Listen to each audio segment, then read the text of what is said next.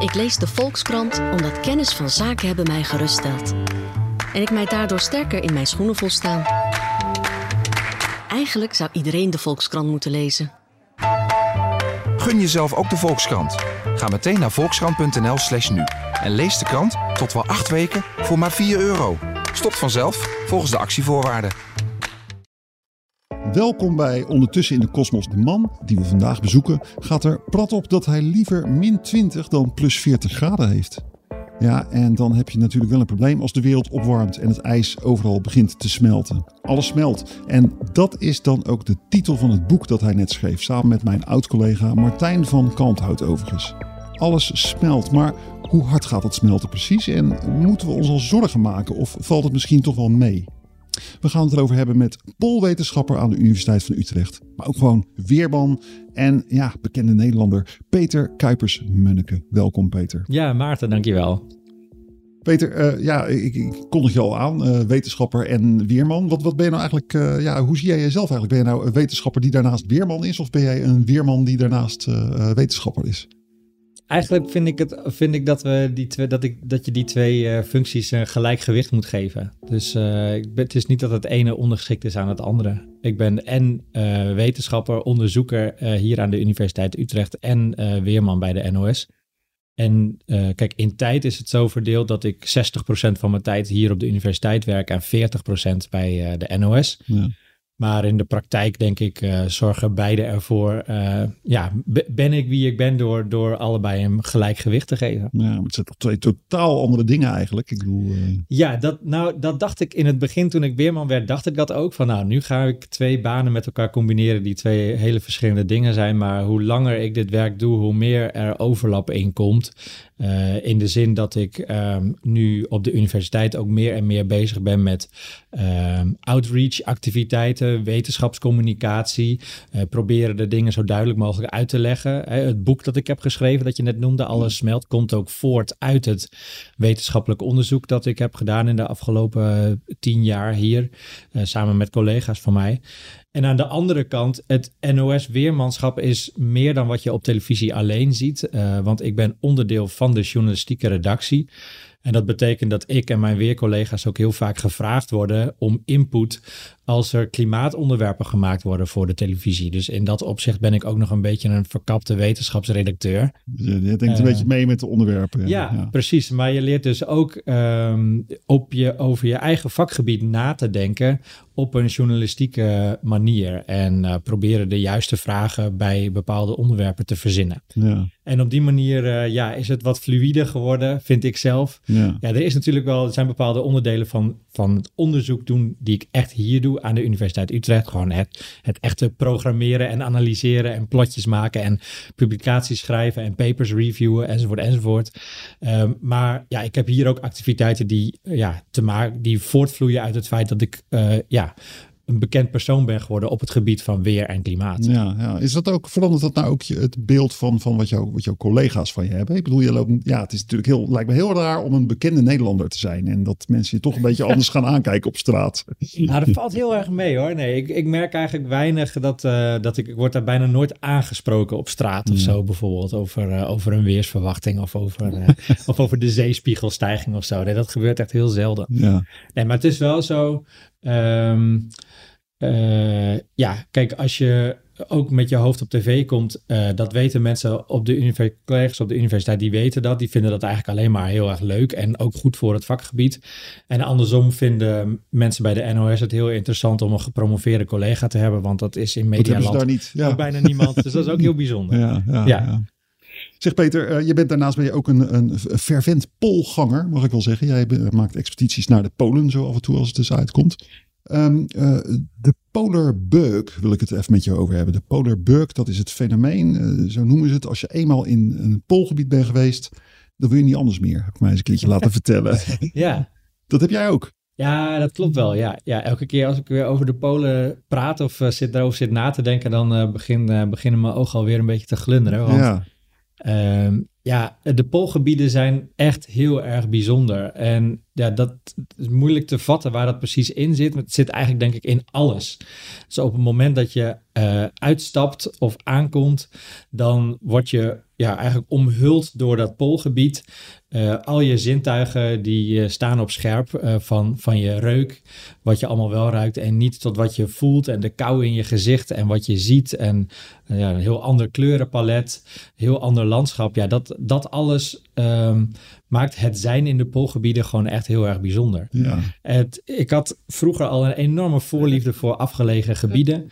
Ik had als kind had ik een, een atlas uh, naast mijn bed liggen en dan ging ik altijd op zoek naar de plekken met de, met de minste wegen en de minste spoorlijnen en de minste steden en zo. Dus uh, ja, dat, de, de, daar zat toch al iets in van dat ik het interessant vond om dat soort plekken op te zoeken. Ja, maar je had ook de woestijn kunnen zijn, bij wijze van spreken. Dat had zeker ja. ook gekund. Ja. Ja, ja. ja, maar kijk, ja, nee, ik denk eerlijk gezegd, kijk, ik ben nog nooit in een oase geweest, hè, in het diepe binnenland van Algerije of zo.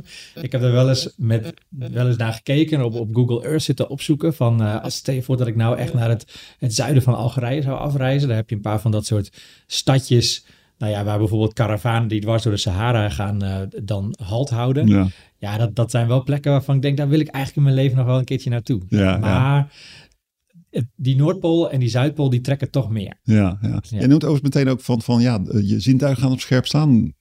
De geur, eh, dat beschrijf je ook een aantal keer. Nou, je, je beschrijft niet, je noemt het. Je zegt van, van ja, de geur van poolgebieden. Hoe ruikt een poolgebied? Ehm, ja, het, het is allemaal zo enorm eh, zuiver en eh, schoon. En eh, alles wat eh, daarvan afwijkt, dat voel je meteen. Dus als je aan de kust komt en je ruikt, ehm, ehm, bijvoorbeeld als je op Spitsbergen bent en je gaat naar de kust, dan, ja, dan ruik je eh, bijvoorbeeld eh, algen of eh, de nabijheid van zeehonden of zo. Dus die, die geuren die zijn heel sterk eh, ja, op een plek waar geuren anders verder afwezig zijn. Ja, ja, ja. Het is, het is anders dan dat je je neus in de koelkast eh, steekt. eh, waar het Ja, natuurlijk is, toch, eh, is ja. toch anders. Ja. Hoewel je misschien dan wel een klein beetje in de buurt komt. Ja, ja. Ja, Een lege koelkast dan Een lege, ja, precies. Peter, klimaatverandering. Ehm, geef eens een indruk. Hoeveel ijs hebben we eigenlijk momenteel daar op al die polen en op bergen? En hoeveel ijs is er gewoon op aarde in, in een soort permanente staat? Ja, als je, ik wil het wel voor je uitdrukken in eh, kubieke kilometers. Ik weet niet of je dat interessant vindt. Nou ja, doe eens een poging. Ja, het gaat om ongeveer eh, 28 miljoen kubieke kilometer. Ja, En ehm, het je kunt er een iets duidelijker beeld van krijgen door je in een gedachte-experiment voor te stellen dat je al dat ijs zou smelten. Eh, want daarmee stijgt de wereldwijde oceaan met ongeveer 65 meter. ja, Dus er zit ongeveer voor 65 meter aan zeespiegelstijging opgeslagen in de gletsjers en de ijskappen die we nu op de wereld hebben. ja, En dat is heel ongelijk verdeeld. Ehm, want neg- eh, 90% van al dat ijs dat ligt op Antarctica. Eh, dus de Antarctische ijskap, dat is een continent wat we bijna zouden vergeten. Maar daar ligt dus voor ruim 55 meter aan zeespiegel eh, equivalent aan ijs opgeslagen. ja. Dan heb je de ijskap van Groenland. Daar ligt ongeveer 7 meter opgeslagen, of 8 ongeveer. En eh, dan heb je nog al die andere gletsjers in de wereld. Dat zijn er meer dan 200.000. En die hebben bij elkaar ook nog ongeveer 40 centimeter aan zeespiegelstijging. eh, ja, eh, aan ijs bevatten die. Ja, ja, dat is echt gigantisch veel eigenlijk. Dat is, ja, ja. Ja, bij elkaar opgeteld is dat ongeveer 65 meter. En dat is dus de totale hoeveelheid ehm, ja, water. Kijk, eigenlijk kun je zeggen, het water is zo verdeeld in de wereld dat je eh, het water dat in meren en rivieren zit, die kun je eigenlijk wel verwaarlozen. Dat is echt heel erg weinig. Eh 97% van alle H2O-moleculen op de wereld ligt in een oceaan. En de resterende 2, 2,5% eh, zit eigenlijk in die ijskappen. ja, als je het zo bekijkt lijkt het eigenlijk ook weer helemaal niet zoveel. Hè? Dat is, eh, Nee, kijk, en dat is natuurlijk. Kijk, de oceaan is gemiddeld 3700 meter diep ongeveer. En dat betekent dat die 65 meter ja, is dan vrij precies, als je het Ja. uitrekent, eh 2% van al het ijs op aarde. Uh, ja. ja. dus meer is het niet. Maar vooral lullig als je nog net in dat gebied woont waar die 65 meter uh, boven je hoofd komt te staan. Kijk, natuurlijk. als je kijkt naar het, uh, naar het, naar de, als je een beetje uitzoomt en kijkt naar de klimaatveranderingen van bijvoorbeeld de afgelopen miljoen jaar, dan hebben we zeespiegelstanden meegemaakt die fluctueren van 120 meter lager dan nu. He, dat was bijvoorbeeld zo tijdens het hoogtepunt van de laatste ijstijd, zo'n 12.000 jaar geleden tot de huidige zeespiegel. En bijvoorbeeld in het vorige warme periode was de zeespiegel ongeveer ja, 6 tot 7 meter hoger dan, uh, dan die van tegenwoordig. Ja. Dus ja, er zijn fluctuaties. Zeg maar, op dit moment is 2% van al het water is ijs. In een ijstijd is ongeveer 5% van al het water ijs op aarde. Ja. En uh, ja, in hele warme periodes, zoals in de tijd van de dinosauriërs, uh, 50 miljoen jaar geleden, was er eigenlijk helemaal geen ijs. Dus dan was het 0%. Dus Ja. het fluctueert ergens van tussen de 0 en de 5% van al het water op aarde dat uh, bevroren is op een gegeven moment. Ja, en en op dat- dit moment is het 2. Ja, en dat waren natuurlijk ook tijden in, tijdens de dinosauriërs. Dat waren wel tijden dat eh, nou ja, de krijtrotsen in, eh, in Limburg werden gevormd. Dus toen was het hier gewoon een zee. Ja, Stond precies. Ja, sterker nog, de krijtrotsen in, in Limburg die werden toegevormd, maar de, de rest van Nederland was een ondiepe binnenzee. Hm. Eh, dat is ook de reden dat zo'n beetje de enige ehm, eh, restanten uit die dinosaurierperiode die we in Nederland hebben, ja, dat zijn ammonieten die bijvoorbeeld zijn gevonden in de Achterhoek, of bijvoorbeeld de Mosasaurus, wat een zwemmende dino was. Want we hebben geen restanten van, ehm, van landdinosauriërs eh, in Nederland gevonden, simpelweg omdat Nederland heel lang geen land was. Hm. Dat is eigenlijk pas heel kort in de geografische geschiedenis dat je gewoon in Nederland kan wonen. Ja, en dat ja. ons land eh, ja, in dat opzicht bestaansrecht heeft. Ja, ja, en misschien duurt het ook niet zo lang meer, want die polen zijn nog wel aardig aan het smelten op het moment. Nou ja, weet je, kijk, als je bereid bent om uit te zoomen naar de wat grotere tijdschalen, dus we gaan ons even niet druk maken om het jaar 2050 of het jaar 2100, dan is het eh, ja, met een, eh, stel je voor dat de opwarming van de aarde twee of drie graden zal blijken te zijn en dat niveau, dat wordt ook vastgehouden voor de komende tienduizenden jaren. Ja, dan is Nederland op een gegeven moment linksom of rechtsom wel weer weg. Ja. Dus eh, ja, af- afhankelijk van, laten we maar zeggen, de aanpak van, eh, van, van eh, de opwarming van de aarde in de komende tientallen jaren, kun je misschien wel stellen dat, ja, moet blijken of we dan nu eigenlijk de laatste fase van ons land in zijn gegaan. Ja. eh, op, op de wat langere geschiedenis van tienduizenden jaren. Ja, alles is relatief wat dat betreft. Ja. Dus, eh, ja. Peter, ehm, die Polen die warmen eh, meer op dan andere plekken op aarde. Ja. Dat hoor ik altijd, lees ik in de IPCC-rapporten. Waarom is dat eigenlijk Ja, en zo? dat geldt eigenlijk nog sterker voor het Noordpoolgebied dan voor het Zuidpoolgebied. Mhm.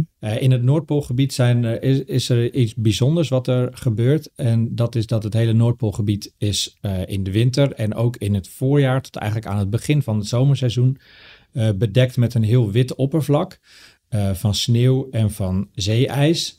En ehm, dat sneeuw, die sneeuw en dat zeeijs, dat verdwijnt steeds eerder in het seizoen. Eigenlijk precies is dat aan het verdwijnen op het moment dat de zon het hoogst boven de horizon staat, namelijk in mei en in juni. En dat betekent dat eh, precies op het moment dat de zon het hardste schijnt in dat gebied, het witte oppervlak wordt vervangen door een donker oppervlak van toendra of van oceaan. En het is vooral eh, die vervanging eigenlijk van landtype dat ervoor zorgt dat er ontzettend veel meer warmte wordt geabsorbeerd in het eh, Noordpoolgebied eh, dan, laten we zeggen, eh, eh, 50 of, of 100 jaar geleden. Ja, ja. En dat is ook de, een van de belangrijkste oorzaken van dat, eh, ja, dat de gemiddelde opwarming, eh, die is dus nu iets meer dan 1 graad hè, wereldwijd, dat die dus in de polen een, een factor drie keer zo snel gaat. Ja, Dus een- ja. Kijk, en als je het wil uitdrukken in watts per vierkante meter, hè, dus dat Mhm. is om, om eh, eigenlijk het probleem van de, van, van de opwarming in, in, in, in termen van energie te bekijken. Mhm. Kijk, de, onze aarde wordt beschenen door de zon en die levert meer dan 300 watt per vierkante meter. En eh, er zijn er allerlei andere eh, factoren die ook een rol spelen. Nou, die extra hoeveelheid broeikasgassen die nu in de atmosfeer zitten, die zorgen voor een extra 2, 2,5 watt per vierkante meter aan energie. Ja. Dat dag in dag uit op het aardoppervlak valt. Dus het is eigenlijk maar een hele minieme hoeveelheid extra energie die toch verantwoordelijk is voor die ene graad opwarming die Ja. we hebben gehad. ja. Nou, wat gebeurt er als je eh, van een sneeuwoppervlak een toendra-oppervlak maakt? Dan krijg je eh, lokaal eh 100, 150 watt per vierkante meter extra energie Ja, op aarde. ja.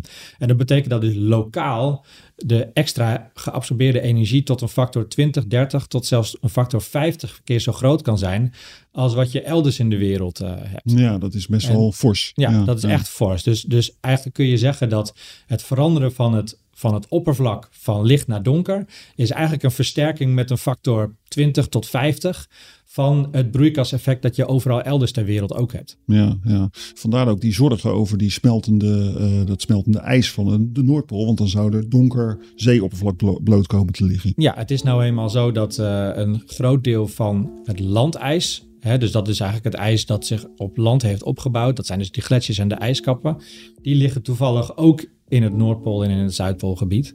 En als het hele gebied opwarmt, eh, dan smelt daar ook eh, meer van. Ja, ja. Doe eens een gok eigenlijk, eh, Peter. Wat, wat denk jij, wanneer zitten wij voor het eerst met een zomer waarin het Noordpoolijs zo goed als helemaal weg is? Het is lastig hè, dit soort weddenschappen, maar ehm, kijk, ik, ik denk dat je moet, moet denken aan een termijn van, nou, laten we zeggen 2035, 2040, 2045, die orde van grootte, denk ik dat je ja, kan verwachten dat we een keer een zomer hebben dat er, waarin er helemaal geen zeeijs meer over is. Snel al, hè? Dat is iets wat, wat jij en ik hopelijk nog gaan, gaan meemaken. Ja, eh, ja eh, hopelijk. En dan bedoel je met name eh, Dat we geen ongeluk de hoop over jouw eigen levensverwachting. Ja, precies. Precies. Ja, nee, die, ja, die hoop ik, die heb, die heb ik ook zeker. Dat ik dat, eh, eh, nou ja, in zekere zin dat ik het op die manier nog ga Dat we meemaken. nog zijn om het wel of niet te bevestigen, Ja. laat ik het zo zeggen. Ja. Ja, zeker. En ehm, eh, ja, dat, dat is inderdaad echt wel heel snel. Ja. En zeker als je, d- eh, als je rekent in termen van, eh, ja, hoe, hoe zullen we dat zeggen, van, van, van generaties. Ja, dat is eh, 2035, dan is mijn, eh, ja, dan is mijn oudste zoon eh 25 tegen Ja. die tijd zo'n beetje. Dus dat is, eh, ja, de, Dat dus is echt heel snel, ja. Ja, ja, We hebben dus die, die, ja, het ijs van de Noordpool, wat bekend is van, van radio en tv, zal ik maar zeggen, eh, kan smelten. Daardoor kan de oceaan meer opnemen. We hebben de permafrost van Siberië, die kan ontdooien, waardoor er weer broeikasgassen vrijkomen. En dan heb je Groenland, waar dus een enorme plak ijs ligt, een kilometers dikke klont ijs, Ja, die kan smelten. Daarvan is het verhaal altijd, ja, daar zitten omslagpunten in. Dat kan op een gegeven moment onomkeerbaar worden. Hoe zit dat eigenlijk? Weet je, kun, je dat, kun je dat eens uitleggen? Ja, dat heeft ermee te maken dat. ehm, eh, dat, dat heeft te maken met een eh, terugkoppelingsmechanisme, een feedback zoals we dat noemen. En eh, met een technische term noemen we dat de hoogte-massabalans terugkoppeling. Nou, misschien had ik dit woord niet moeten zeggen, want nu heb ik drie termen geopperd die ik allemaal moet uitleggen. Nee, maar kijk, oké, ik hou het heel erg simpel. Kijk, hoe hoger je komt in de atmosfeer, hoe kouder het is. Hè, dat weet je ook als je opstijgt met een vliegtuig. Dan zie je die temperatuur op het tellertje. Hè, meestal heb je wel ergens een beeldschermpje waarop je kan zien van buiten is het, eh, we vliegen nu op zoveel meter hoogte en het is nu zo warm. Dus hoe hoger je komt, hoe kouder het wordt. Eh, en dat betekent dat hoe hoger je op de Groenlandse ijskap komt, in het midden is de Groenlandse ijskap ongeveer drie kilometer boven zeeniveau. En aan de randen eh, ligt eh, de ijskap hè, op zeeniveau, dus op nul meter zo'n beetje. Dus het is inderdaad wat je zegt, een soort, ja, soort koepel van ijs die het hoogst is in het midden. Nou, wat gebeurt er als de temperatuur eh, toeneemt? Dan eh, gaat een groter deel van die ijskap smelten. En dat betekent dat die ijskap langzaam inzakt, waardoor het hoogste punt van die ijskap niet meer op 3 kilometer hoogte ligt, maar bijvoorbeeld op 2800 meter. Nou, op die 2800 meter, ehm, als het, het, het oppervlak dus 200 meter is ingezakt, ja, daar is het ook eh, een graad warmer ongeveer. En doordat het een graad warmer is, smelt er meer van die ijskap af. Waardoor die komt te liggen op 2500 meter. Waardoor het nog warmer wordt op het oppervlak van de ijskap, enzovoort, enzovoort. Ja. Dus het is een feedback van een ijskap die steeds kleiner wordt en steeds lager komt te liggen in steeds warmere luchtlagen, waardoor het afsmelten nog sneller gaat, waardoor die in nog warmere luchtlagen komt te liggen. Ja, ja. Het is wel zo dat deze feedback die speelt op eh, tijdschalen die ehm, langer zijn dan waar bijvoorbeeld het IPCC-rapport het vooral over heeft. En eh, speelt ook op tijdschalen die langer zijn dan ja, waar je redelijkerwijs in Nederland beleid op kan voeren. Duizenden jaren hebben Dat we het gaat over duizend tot duizenden jaren. Ja. Maar dat is wel. ehm, kijk, en dat is het ingewikkelde. En dat is denk ik ook. Dat leidt tot een relatief ik denk eerlijk gezegd dat, dat de gemiddelde Nederlander zo langzamerhand wel eens een keertje gehoord heeft van het begrip kantelpunt. Maar zich niet ten volle realiseert dat een kantelpunt is, uh, kan dus iets zeggen over dat een bepaald proces omkeerbaar of onomkeerbaar is. Maar er hoort ook een bepaalde tijdschaal bij. Hè? Dus het is op een gegeven moment onherroepelijk dat de Groenlandse ijskap gaat verdwijnen. Maar de tijdschaal waarop die verdwijnt, ja, dat is een heel ander verhaal. Ja. En uh, dat maakt dus het praten over kantelpunten ook heel lastig, omdat je vrij snel het idee geeft, denk ik, dat het een soort van cliff is waar je afspringt. Hè? Dus als het dus, ik kan me voorstellen dat je de krant leest of het journaal bekijkt of, uh, of de media tot je neemt, uh, consumeert en dan denkt, oké, als dus de opwarming van de aarde 2,5 graden bedraagt, dan van de een op de andere dag is dan de Groenlandse ijskap weg. Ja. maar dat is niet zo. Nee, dat duurt maar je hebt dan wel de um, omstandigheden gecreëerd waarop die ijskap onherroepelijk gaat verdwijnen. Ja. Alleen het tempo waarmee dat gebeurt, dat kan dan alsnog duizenden jaren duren. Hoe onherroepelijk is onherroepelijk? Ik bedoel, als wij op een gegeven moment die broeikasgassen met een of ander futuristisch apparaat weer uit de dampkring zouden halen. En we zouden weer teruggaan naar het voorindustriële niveau van broeikasgassen. Ja. Waardoor het weer koeler zou worden. Ja, wat, wat zou die, die Groenlandse ijskap ervan weer houden om weer aan te groeien? Ja, nou dat is... Um, kijk, als je die, die futuristische uh, CO2-scrubbers of zo... die ons weer gaan terugbrengen naar de oude CO2-concentraties... Um, kijk, als je de, de, de huidige CO2-hoeveelheid, die hebben we in de lucht gepompt in de afgelopen 150 jaar ongeveer. Als we nou in de komende 150 jaar er ook allemaal dat er weer uithalen, dan is de, de, de piek van die extra CO2, dus de, de druk op de temperatuur op aarde, is misschien net zo kort geweest dat die Groenlandse ijskap daar grosso modo net niks van merkt. Maar als de CO2-concentratie heel hoog blijft en het, ja, het duurt duizenden jaren voordat die CO2 ook weer uit de atmosfeer is gehaald, ja, dan heeft die feedback van dat afsmelten van die Groenlandse ijskap zo lang de tijd gehad om zijn werk te doen, dat de Groenlandse ijskap zo klein is geworden dat die eigenlijk helemaal verdwenen is. Ja. En het interessante is, hè, en, en als je kijkt op die tijdschalen, dan is echt het afsmelten van die Groenlandse ijskap is echt onherroepelijk of is echt een kantelpunt. Omdat als je het klimaat dan weer terugbrengt, hè, als je de temperatuur weer terugbrengt naar pre-industriële waardes, dan groeit die niet meer terug. Dan heeft het geen zin meer. Ja. Nee. We gaan eens eventjes van dat, dat hoge noorden naar het uh, verre zuiden, het diepe zuiden. Niet het continent van de ijsberen en het, uh, en het zeeijs, maar het continent Antarctica. Ja. Een pinguïn, Ja. precies.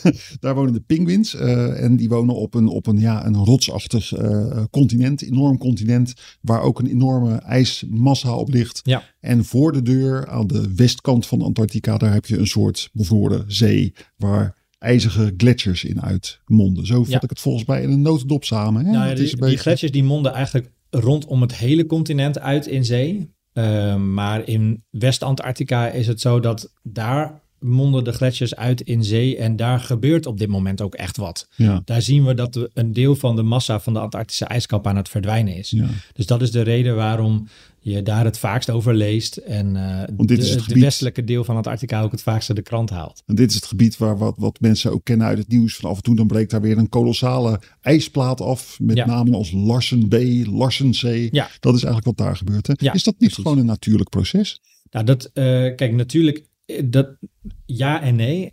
Het is zo dat de massahuishouding van de Antarctische ijskap, die werkt zo dat er sneeuw opvalt. Ook echt krankzinnig veel, ongeveer 2500 gigaton. Dus dat is 2500 miljard ton sneeuw. Dus een Eh, aardige, kun je aardige sneeuwpop van per bouwen. Dat een behoorlijke sneeuwpop is dat. Nou, zoveel eh, valt er jaarlijks aan sneeuw eh, op.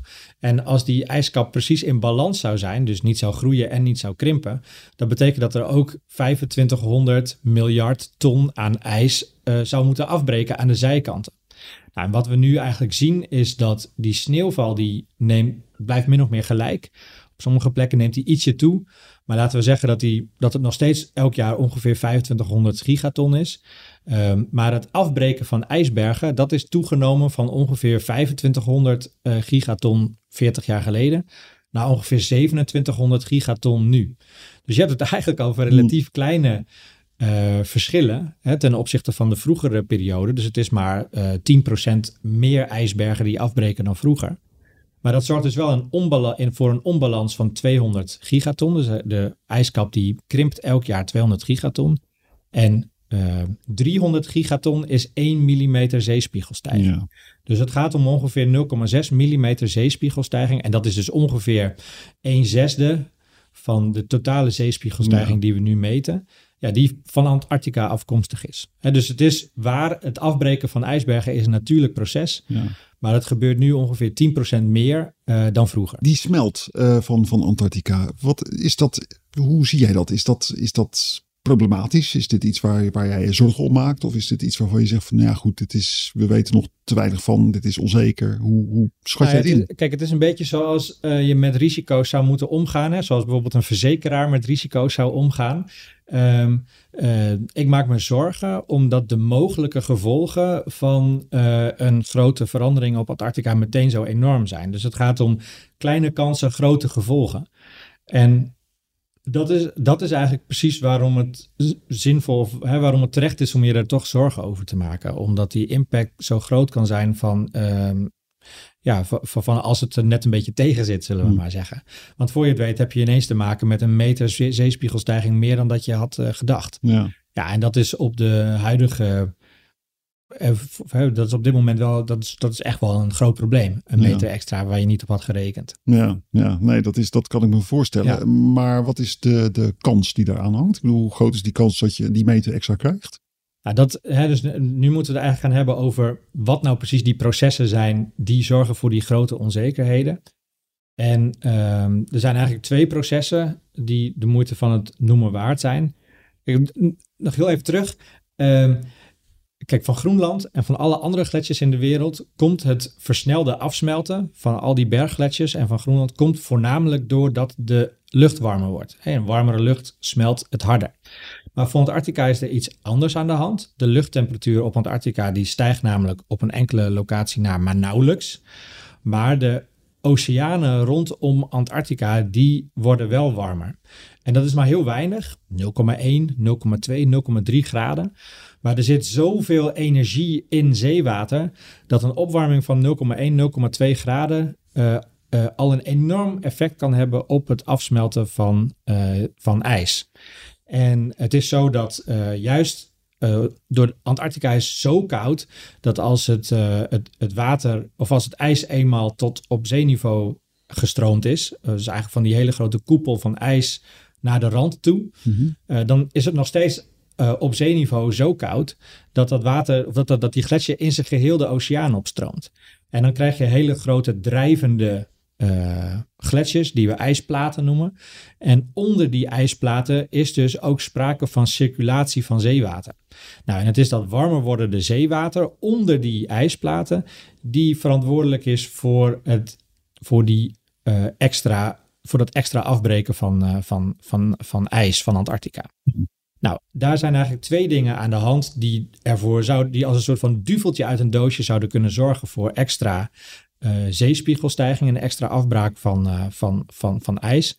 En het eerste proces daarvan ehm, dat, ehm, is dat er heel veel plekken zijn op Antarctica waar de, de helling waarop de gletsjer rust eh, naar het centrum van de ijskap toe naar beneden helt. En wat dat betekent in de praktijk is dat op dit moment ligt daar dus een gletsjer eh, die rust op de bodem. Maar dat water, dat steeds warmer wordende water, dat eet eigenlijk dat ijs vanaf de onderkant weg. En dat betekent dat, het, dat, het, dat de plek waar het ijs op de bodem rust, schuift steeds verder landinwaarts. Maar landinwaarts eh, helt die bodem naar beneden toe. En dat betekent dat, die, dat de dikte van die ijskap steeds verder toeneemt. Dus er rust een steeds dikker stuk van de ijskap op de bodem. Ja, En een dikkere ijskap betekent ook een grotere ijssnelheid en, het grote, en een grotere snelheid van het loslaten of het afkalven van grote ijsbergen ja en er komt meer ijsplaten. druk achter dat. Er komt meer, zee. druk, er komt meer druk achter. En ehm, ja, de ijsstromingsnelheid, wel de snelheid waarmee ijsplaten afbreken, die eh, is eh, afha- evenredig met de dikte van, die, van, de, op, van de dikte van het ijs op de plek waar die nog, eh, nog net op de bodem rust. Ja, Dus hoe dieper die bodem, hoe groter de dikte wordt en hoe sneller het afkalven Ja. gaat. Nou, en dat is, Buitengewoon een ingewikkeld verhaal wat jij nu vertelt. Ja, want ik, sorry, ik moet sorry. zeggen dat ik zelf ook dit soort dingen in de wetenschappelijke vakbladen zit ik eh, eindeloos turen naar plaatjes waarop dit wordt uitgelegd. ja, Maar het komt erop neer dat die gletsjers gaan sneller stromen. Ja, dat is zo, zo, die zo gaan sneller stromen. Ja, en dat is, een, eh, dat is dus ook een proces wat ook een kantelpunt kan zijn, omdat je op een gegeven moment niet meer opwarming nodig hebt om het proces toch eh, tot in het oneindige Niet door te te laten gaan. Ja, het is precies. een proces dat zich op- zelf op een gegeven moment in stand kan houden. Ja. Dus dat is één onzekerheid. En de voorzichtige aanloop daarvan zien we op dit moment al bij de twee, drie grootste gletsjers van Antarctica. Weet je, je hebt gewoon tijd nodig om vast te stellen of het inderdaad nu aan de gang is. Maar van de meetreeksen van de afgelopen vijf of tien jaar kun je voorzichtig stellen, ja, misschien is het nu al wel zover dat, dat dit proces door gaat zetten. Misschien. Het- precies. Ja. Het, het, tweede, het tweede proces heeft daarmee te maken dat ehm, materiaalwetenschappers, die kwamen op een gegeven moment met het idee van ja, als jij ehm, eh, in, de, in de materiaalwetenschap is het zo dat stel je voor dat je een, eh, een, een toren wil bouwen van aluminium. Dan op een gegeven moment als je een staaf aluminium hebt van 500 meter dik, het alleronderste centimetertje aluminium, daar staat dan zoveel druk op dat het gewoon knakt Hm. en afbreekt. Dus het is eigenlijk de, de druk van een kolom materiaal op het alleronderste stukje. Ja. Nou, en die zeiden tegen die glaciologen, die gletsjeronderzoekers, van heb je daar wel eens naar gekeken? Nou, toen gingen die glaciologen daarnaar kijken en blijkt dat bij een dikte, een ijsdikte van meer dan 800 meter, ja, dat op een gegeven moment het ijs gewoon onder zijn eigen druk bezwijkt. En eh, dat noemen we ice cliff, marine ice cliff instability. Dat is een term die sinds een jaar of vijf of zes bestaat eh, in eh, de gletsjerwereld. En dat is dat simpelweg als de rand van de, van de ijskap op een gegeven moment meer dan 700, 800 meter dik is. Ja, dan begeeft het ijs het gewoon in, op een hele abrupte manier. Dus dan Ja. krijg je een hele snelle afbraak van ijs. Nou, nou is het ingewikkelde van, deze hele, van, dit, van dit hele verhaal, is dat ehm, nog maar nauwelijks vaststaat in hoeverre dit nou echt speelt. Het is, er is een proces opgeworpen in de theorie, wat we in de praktijk eigenlijk niet meten. Eh, en toch moet je dan een uitspraak doen Ja. over eh, ja, hoeveel we daar dan in de komende eeuw of in de komende twee eeuwen van gaan terugzien. Ja, en hoe moet ik me dit, dit, dit proces met, die, met dat enorm moeilijke woord, eh, eh, hoe moet ik me dat fysiek voorstellen? Is dit, is dit inderdaad dat je ziet van, van die ijskliffen die dan in de zee donderen? Of, Ja. of zien we gewoon de, de ijskappen eens inzakken? Hoe Nou ja, waar het je het mee kan vergelijken eigenlijk is dat hè, je hebt wel eens van die grappige cartoons waar bijvoorbeeld een heel pallet aan, aan soepenblikken staat opgestapeld in de aanbieding.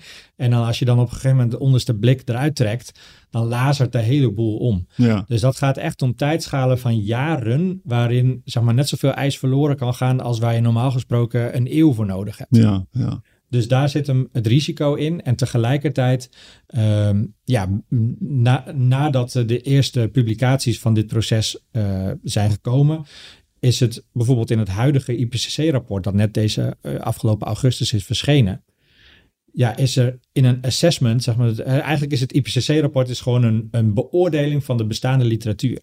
En er is beoordeeld dat deze nieuwe instabiliteit ja, nog onvoldoende wetenschappelijke grond heeft, of onvoldoende gerepliceerd is, onvoldoende, ehm, ja, eh, er is onvoldoende over bekend om het mee te kunnen nemen in de zeespiegelstijgingsverwachtingen. Het gekke is, ik kan me zo moeilijk voorstellen dat dit echt, dat dit, dit laatste proces, dat dat echt zo'n invloed heeft op de zeespiegelstijging als geheel. Want je hebt het over blikken soep die instorten. Je kan me niet voorstellen dat het zoveel is dat daardoor de zeespiegel wereldwijd millimeters omhoog eh, zou komen. Nou ja, als je Of dus centimeters. Nee, maar als je dus dit, ehm, dit proces in een computermodel stopt, dan zorgt het voor een aanmerkelijke versnelling van de bijdrage van Antarctica aan de zeespiegelstijging. Ja, ja.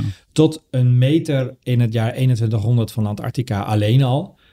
Eh, dus dan moet je dan Groenland nog bij optellen en de thermische expansie. Dus dan zit je echt op makkelijk anderhalve meter. En dat zijn ook bijvoorbeeld de getallen van extreme zeespiegelstijging, waar ook rapporten van het KNMI en bijvoorbeeld van Deltares en Rijkswaterstaat op zijn gebaseerd. En eh, dat zijn dus verkenningen van wat er kan gebeuren in het geval van extreme zeespiegelstijging. Maar als je dan bijvoorbeeld het meest recente IPCC-rapport bekijkt, ja, dan, dan is dus de kans daarop zo klein dat er eigenlijk wordt gezegd, nou ja, weet je, we nemen het niet mee in de eh, prognoses die we nu maken. Ehm, maar we zetten er wel een voetnoot in van ja, de kans lijkt ons niet groot, maar het is niet nul. En, en als het gebeurt, dan zijn de gevolgen wel echt heel erg groot. Ja, ja. Breng me een beetje naar het eind van, van ons gesprek. Uh, een van de laatste onderwerpen die ik met je wilde aansnijden, Peter. Uh, jij schetst een vakgebied wat veel onzekerheden nog heeft en, en uh, ook veel gevaren ziet. Maar dat zijn dan wel gevaren met onzekerheden om, omkleed en geringe kansen soms. Wat maakt het wat jou betreft toch zo belangrijk om uh, die broeikasgassen uh, te matigen? Het is misschien een beetje gek dat ik het vraag, maar ja. ik vraag het je ook hierom, omdat we hebben het hier natuurlijk om hele langzame processen, tijdschalen van, van eeuwen tot duizenden jaren. Ja, je zou ook kunnen zeggen van, uh, nou ja, na onze zonvloed. Nou, ik denk dat we. Kijk, ik denk dat je nu een, een. denk dat je dan toch na afloop van dit gesprek een iets te negatief beeld schetste over, de, over dat wat de, de, de gletsjerwetenschap heeft bereikt in de afgelopen tientallen jaren. En dat is dat. Wat ik, er, wat ik knap vind aan wat er eigenlijk de afgelopen twintig jaar duidelijk is geworden, is uh, dat. Uh, het, het, kristalliseert zich uit, het wordt steeds duidelijker dat bij succesvol klimaatbeleid de zeespiegelstijging de komende eeuwen beperkt kan blijven tot orde van grote tientallen centimeters tot een meter. En dat uh, bij afwezigheid van klimaatbeleid uh, je op een punt komt dat de zeespiegelstijging, dat het niet de vraag is wanneer de zeespiegel meer dan drie meter is, uh, of, of dat de zeespiegel drie meter gaat stijgen, maar wanneer dat precies is. En uh, ja, dat kan in het jaar 2150 zijn of in het jaar 2200. Um, kijk, we herinneren ons allemaal Thorbecke als degene die de, de, Nederlandse grondwet heeft ingevoerd. Ik zou niet de politicus willen zijn die over 150 jaar herinnerd wordt aan degene die de kans heeft laten lopen om ons land te laten voortbestaan. Ja. En het is. Want zo, zo ligt het. Ja, dat denk ik wel. Ja. ja. En um, kijk, die, die onzekerheid. Ik denk dat je niet. Je hebt niet eens die. We hebben het gehad over die Antarctische processen waar heel veel onzekerheid over bestaat. Maar zelfs als je dus bereid bent om die helemaal terzijde te schuiven, om de risico's daarvan op nul te stellen, uh, dan nog kom je uit op een zeespiegelstijging van een meter ongeveer in het jaar 2100. Uh, maar belangrijker, om tegen de tijd dat je een meter zeespiegelstijging hebt aan het eind van deze eeuw, heb je een zeespiegelstijgingssnelheid van tussen de 1 en 1,5 centimeter per jaar. Dus dan is het eigenlijk steeds irrelevanter. Hè, dan, als je dan die ene meter in het jaar 2100 nog niet hebt, ja, dan heb je hem in 2110 heb je hem al wel. Of in 2120. Want dan heb je in 20 jaar heb je 20 of 30 centimeter zeespiegelstijging. Ja. En daar is dus ook niet meer tegen op te plannen. zo snel ja. dat daar niet meer tegen op te plannen valt. En dat is denk ik ongeacht uh, de enorme onzeker of hè, ongeacht de onzekerheden die er nog zijn. Ja. Dus ik denk dat je wel kan. Ik denk dat dat de, toch de reden is om je zorgen te maken over die zeespiegel.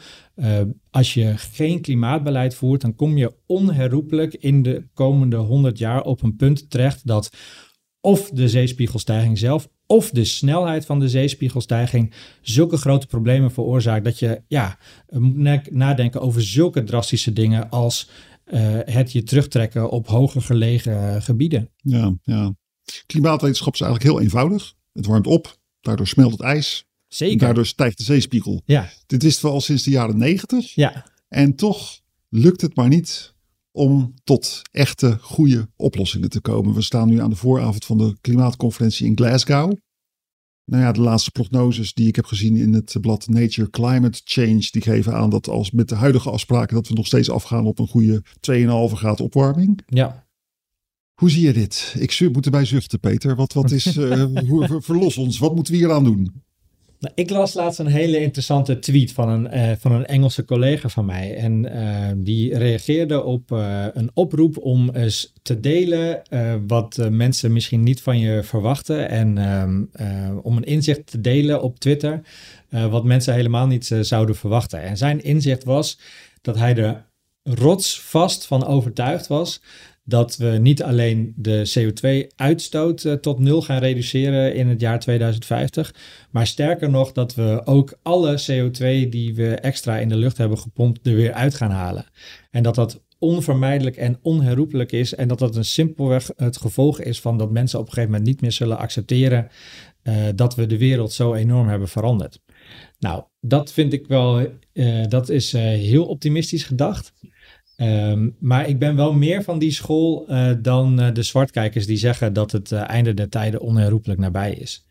Ik denk eerlijk gezegd dat ehm, ja, de, de overgang naar een, naar een duurzame, ehm, duurzame samenleving, waarbij we veel minder natuurlijke hulpbronnen gebruiken dan nu, ja, dat, dat die eigenlijk onvermijdelijk is. Er zit gewoon een grens aan wat het systeem aan kan.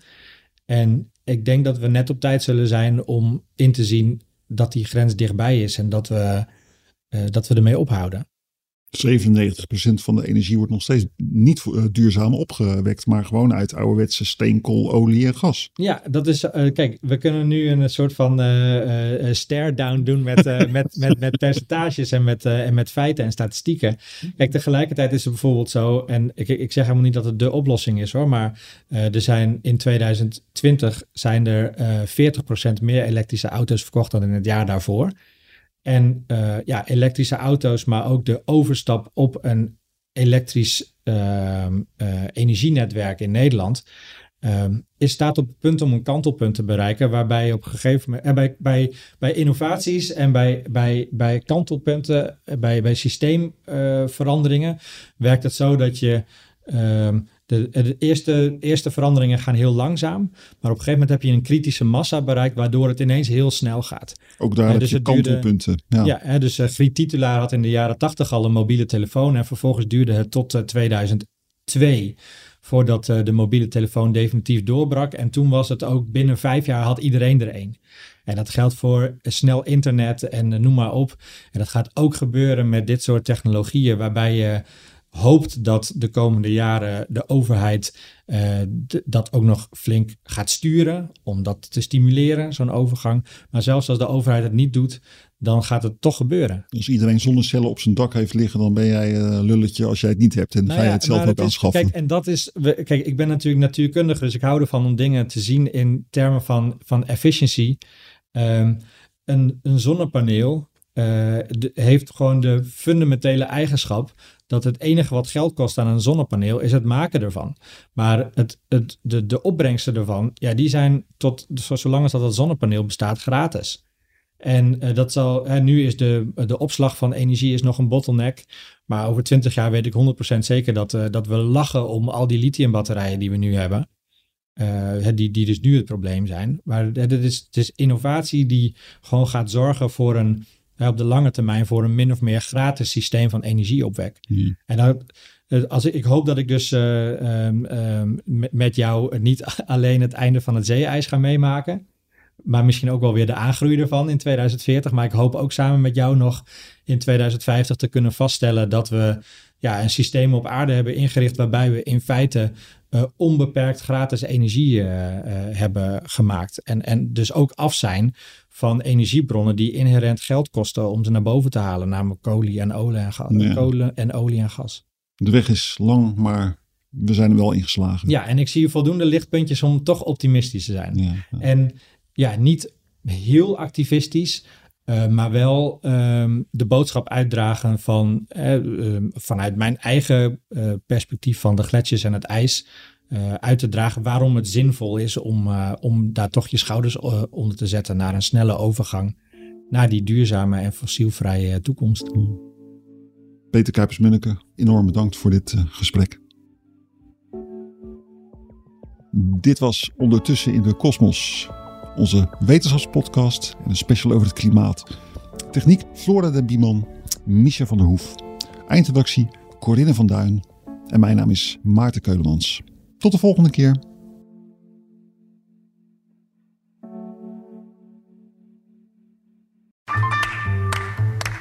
Ik lees de Volkskrant omdat ik altijd alle kanten van een verhaal wil weten. En ik nieuwsgierig ben naar de mening van anderen. Eigenlijk zou iedereen de Volkskrant moeten lezen. Gun jezelf ook de Volkskrant. Ga meteen naar volkskrant.nl/slash nu en lees de krant tot wel acht weken voor maar 4 euro. Stopt vanzelf, volgens de actievoorwaarden.